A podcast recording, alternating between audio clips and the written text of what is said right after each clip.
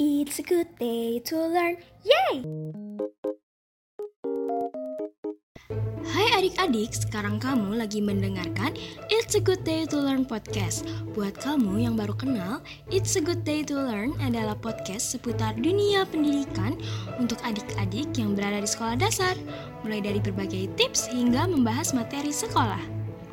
Sebelumnya, perkenalkan, aku ke Farida, selaku host di It's a Good Day to Learn. Nah, di episode ketiga ini, aku akan ajak kalian semua untuk membahas tentang ekosistem gurun. Langsung saja yuk, kita bahas. Nah, seperti yang kita ketahui, di bumi kita ini mempunyai banyak sekali ekosistem loh. Karena kenampakan setiap wilayah di bumi itu sangat bervariasi.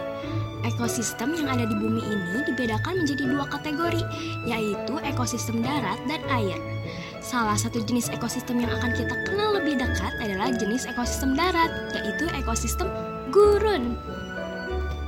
Sebelum kita membahas lebih jauh mengenai ekosistem gurun, alangkah baiknya jika kita mengetahui terlebih dahulu tentang apa itu ekosistem gurun. Adik-adik, ekosistem gurun atau dikenal dengan ekosistem padang pasir ini merupakan ekosistem yang meliputi lingkungan padang pasir atau gurun. Ekosistem gurun atau padang pasir ini juga bisa dikatakan sebagai interaksi makhluk hidup yang berada di lingkungan atau habitat padang pasir dengan komponen-komponen yang ada di sekitarnya, baik itu komponen biotik maupun abiotik. Nah, tahukah kalian masing-masing ekosistem itu mempunyai ciri khusus? Yang pertama, merupakan bagian dari ekosistem darat atau tersentil. Nah, ekosistem gurun merupakan jenis ekosistem daratan atau terestrial. Hal ini sudah pasti karena memang lingkungannya yang tidak terdapat di wilayah perairan. Malah justru sebaliknya, Luas dari ekosistem gurun ini memenuhi hingga 1 per 3 dari total luas daratan yang ada di dunia ini loh. Lokasi gurun terluas di dunia berada di letak astronomis sekitar 20 derajat garis lintang utara dari mulai pantai Atlantik di Afrika hingga Asia Tengah. Selain itu, kita juga dapat menemui beberapa gurun yang terkenal di dunia apa aja ya? Nah, gurun-gurun yang terkenal di dunia itu ada gurun Gobi di Asia, gurun Sahara di Afrika, dan gurun Simpson di Australia. Ciri kedua memiliki curah hujan yang sangat sedikit, yaitu di bawah 25 cm per tahun. Ekosistem gurun itu memiliki ciri paling kuat, yaitu jarang hujan, bahkan ada beberapa daerah yang tidak dihujani. Nah, ciri yang ketiga adalah laju penguapan atau evaporasi yang tinggi.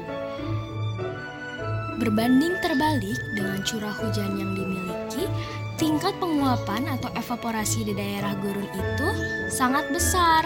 Kebalikannya kan?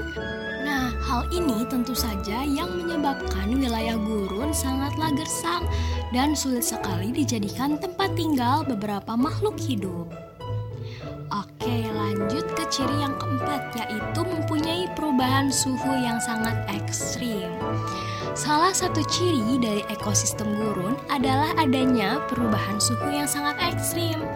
Perubahan ekstrim ini terletak antara siang dan malam.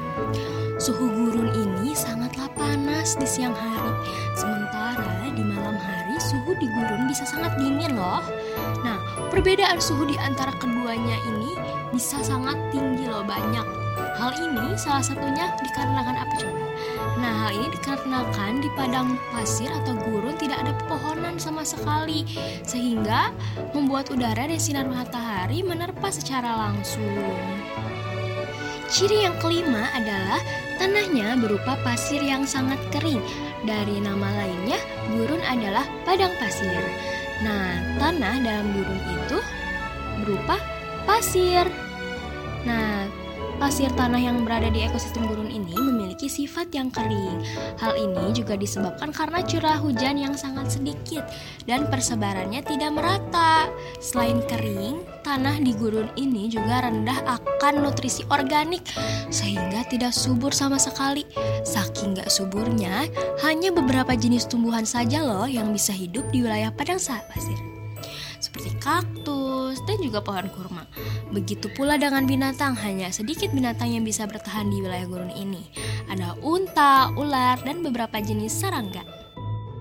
Ciri yang keenam didominasi oleh pasir dan juga bebatuan. Seperti namanya yaitu padang pasir. Ekosistem gurun atau padang pasir ini merupakan ekosistem yang kenampakannya juga didominasi oleh pasir dan juga bebatuan.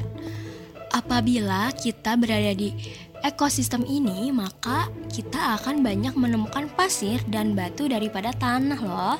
Bahkan seluruh tanah akan digantikan oleh pasir lembut yang jumlahnya sangat banyak. Ciri ketujuh, memiliki air tanah yang terasa asin. Meskipun tergolong wilayah yang mempunyai curah hujan yang sangat sedikit, ekosistem gurun ini tetap mempunyai cadangan air tanah. Namun, cadangan air tanah yang dimiliki wilayah gurun ini tergolong unik karena memiliki rasa yang asin. Air di tanah di gurun ini mempunyai rasa asin disebabkan karena mineral garam yang terkandung di dalamnya tidak mengalami pencucian terlebih dahulu atau drainase maupun air hujan. Dan ciri yang terakhir hanya bisa dihuni oleh hewan dan tumbuhan yang bereproduksi cepat ketika udara lembab. Nah, sudah dikatakan sebelumnya kan bahwa tidak mudah bertahan hidup di ekosistem gurun ini. Selain tanahnya yang kering, tidak subur, dan hujannya yang sedikit. Hal ini menyebabkan hanya beberapa jenis tumbuhan dan hewan yang dapat bertahan hidup. Nah, tumbuhan dan hewan juga dapat bertahan hidup di gurun ini adalah mereka yang mengalami reproduksi dengan cepat selama periode lembab. Nah, terima kasih telah mendengarkan It's a Good Day to Learn hari ini. Jangan lupa untuk bergabung di episode selanjutnya. Terima kasih telah mendengarkan.